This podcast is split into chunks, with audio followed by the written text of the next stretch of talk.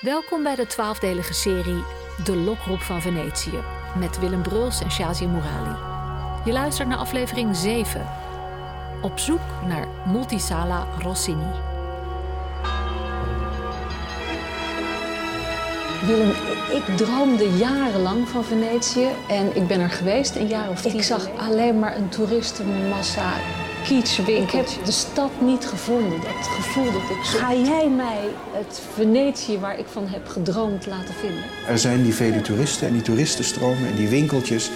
Maar als je één steegje naar links of één steegje naar rechts...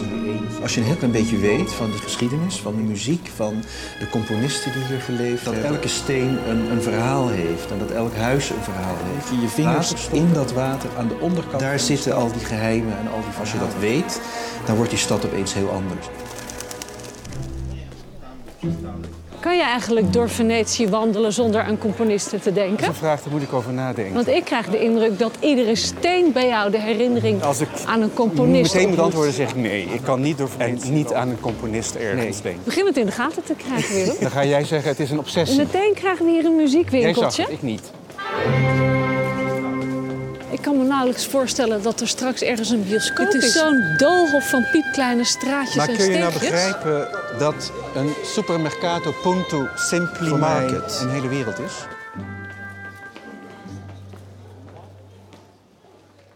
Toen Rossini l'Italiana in Algerië schreef, bevond hij zich in de bloei van zijn genie en zijn jeugd. Hij wilde geen krachtige muziek schrijven. Hij woonde in het aangename Venetië, de vrolijkste streek van Italië en misschien zelfs van de hele wereld. En zeker de minst pedante. Vanwege hun karakter willen de Venetianen vooral aangename en eerder lichte dan gepassioneerde zang.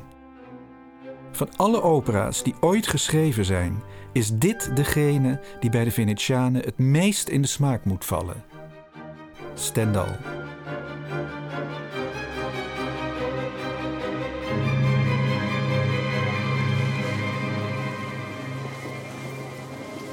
En je neemt me nu mee naar de bioscoop. Ja. Waarom? Dat is eh, de Rossini-bioscoop en dat is een plek waar een heel belangrijk theater stond in de 18e eeuw en waar Rossini heel veel gewerkt heeft. En stukken van hem in première zijn gegaan. Hoe heette het toen?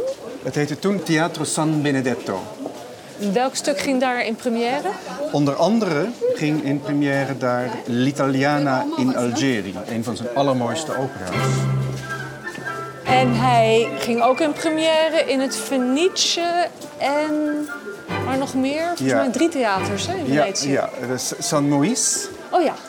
Fenice en Benedetto. Hij had, hij had jaren, bijvoorbeeld het jaar 1813, Ja. waarin vier opera's van hem in première gingen in drie verschillende theaters van Venetië. Moet je nagaan. Wat een rockster moet Wat een rockster, ja. Ik moet nu even... Zijn we goed? Ja, we, als we op het bruggetje zijn en ik herken het niet, Dan zijn we niet goed. dan, zijn we, dan moet ik even gaan vragen.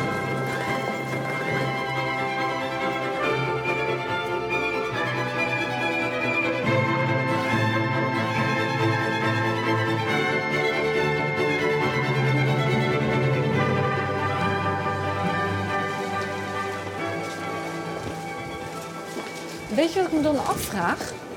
Dit is een doolhof van piepkleine steegjes. Ja? Hoe gingen die mensen dan naar de opera? Want in Parijs kon je met een koets. Ja? Want die rokken en die jurken en die schoentjes waren natuurlijk onmogelijk. Moesten al die adellijke dames of die rijke burgerdames met al die onmogelijke kleren en schoenen hier doorheen wandelen? Nee. Elk theater, elk palazzo heeft een wateringang. Dus een landingang en een wateringang. En als men naar een theater ging, La Fenice, dan ging je met de boot. En je hebt nu nog steeds bij La Fenice, dat ga ik jou laten zien, aan de achterkant een ingang voor de gondels en de bootjes. Dus die hoefden dan alleen maar in hun palazzo in het bootje te stappen en bij de opera stapten ze weer uit. Dus jouw bioscoop moet ook aan het water liggen. Die ligt aan één kant aan het water, maar dan moeten we eromheen gaan lopen. Maar we hebben hier al één ding gevonden, namelijk de Salizzada della Chiesa o del Teatro.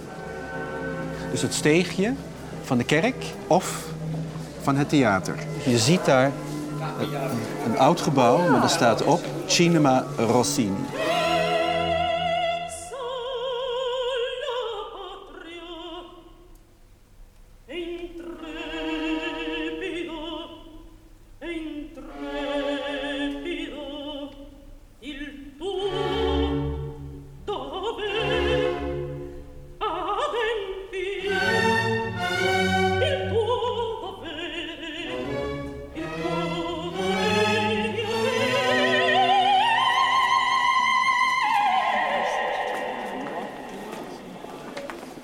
Daar een, oud gebouw, maar er staat op Cinema Rossini. Maar dit ziet er niet heel 18e eeuws uit. Nee, maar toch zijn de muren 18e eeuws. En ouder zelfs. Sorry, maar het ziet er echt niet uit. Spijt me heel erg. Ja, dat klopt. Buitengewoon teleurstellend. Het is ook al heel lang- wat je me erover hebt verteld. Het is ook al heel lang geen theater meer. En, eh, het enige wat over is, is de Supermercato Punto Simpli Market. Als we daar nou inlopen, dan denk ik dat we helemaal door kunnen lopen naar de andere kant. En dat we daar bij de wateringang uitkomen. En dan hoop ik wel op een mooi, mooie voorkant, hè?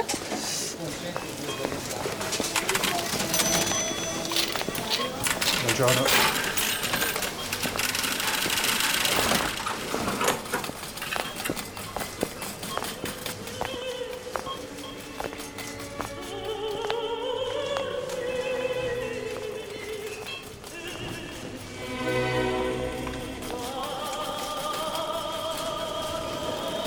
Nou, je voorspelling klopt. We hebben het water gevonden. En inderdaad een kerkje aan de overkant. Ja, Nou ben ik heel benieuwd als ik mij omdraai.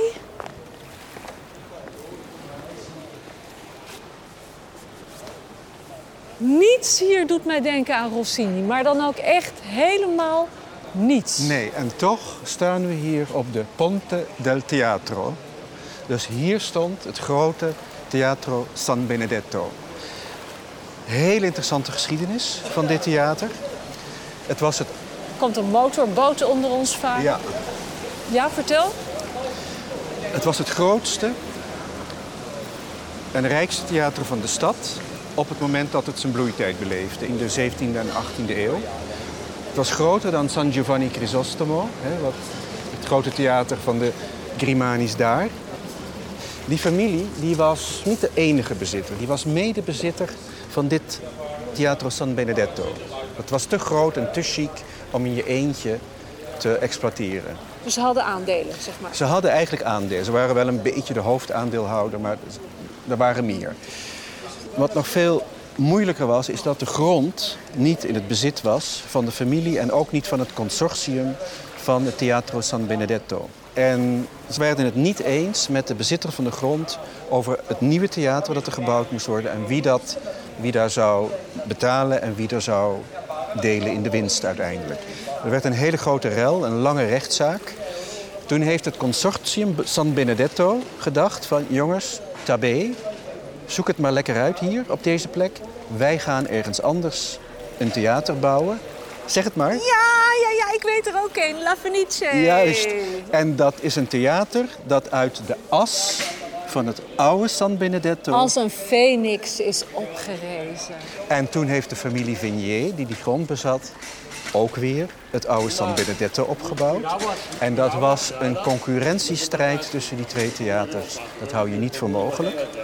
En Rossini trok zich daar geen bal van aan. Die ging gewoon voor allebei componeren met iedereen die maar betaalde. Precies. En als ze allebei tegelijkertijd een compositieopdracht verleenden aan hem, ook om elkaar dwars te zitten, had hij die opera's gewoon af op het moment dat ze af moesten zijn. Kon je dan ook tegelijkertijd naar twee Rossini-opera's in de Ja, stad? ja, je kon naar, naar eh, Tancredi in Venetië. ti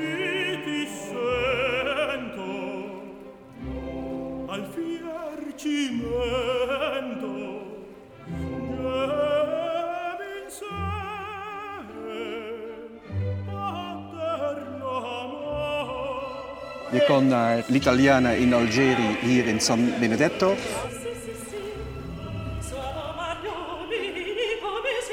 En je kon naar Il Signor Bruschino in het San Moïse.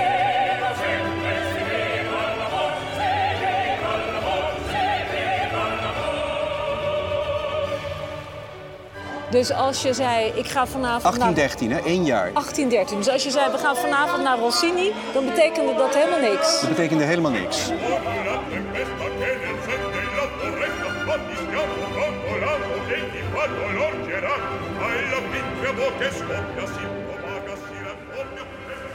Die Rossini moet zich wel een kriek hebben gelachen.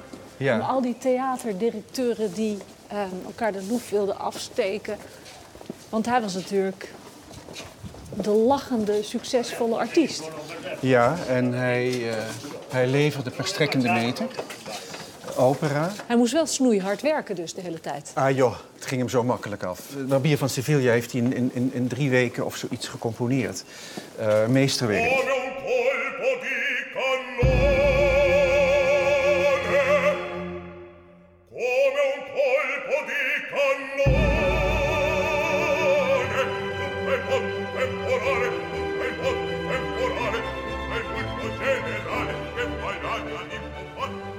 Anekdote. Dan lag hij in bed. Dat was ook een beetje lui. En dan... Rossini luid, zou je niet denken. Nee, dat zou je Die niet denken. energieke maar- muziek. Precies. En, maar dan had hij een, een pagina gecomponeerd en die viel op de grond naast zijn bed. En dan was hij gewoon te lui om die pagina op te rapen. Want wat- wat deed hij dan? Dan pakte hij gewoon weer een nieuw wit vel papier en schreef hij die hele pagina gewoon weer opnieuw. Hoefde hij zijn bed niet uit.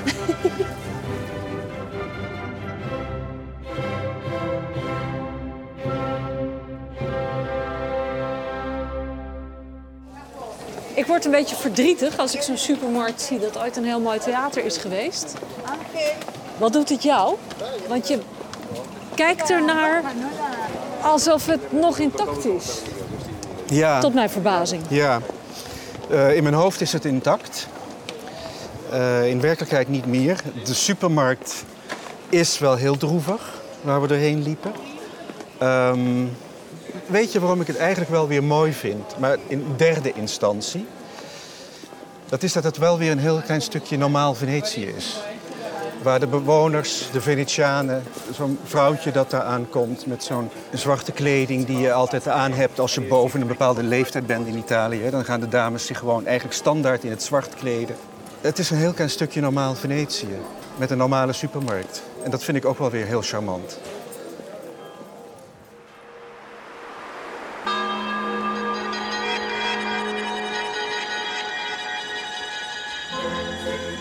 De volgende aflevering gaan Willem Bruls en ik naar de opera in La Fenice. Eindelijk naar de opera. Ik had me er zo op verheugd. Dit was de zevende aflevering van de twaalfdelige serie De Lokroep van Venetië. Met Willem Bruls en Shazia Murali. Productie en regie Aletta Becker. Sounddesign en techniek Hubert Boon. Eindredactie Frans van Gurp. En deze co-productie van NTR en Aletta Becker Producties kwam tot stand met steun van NPO Radio 4 en het NPO Fonds.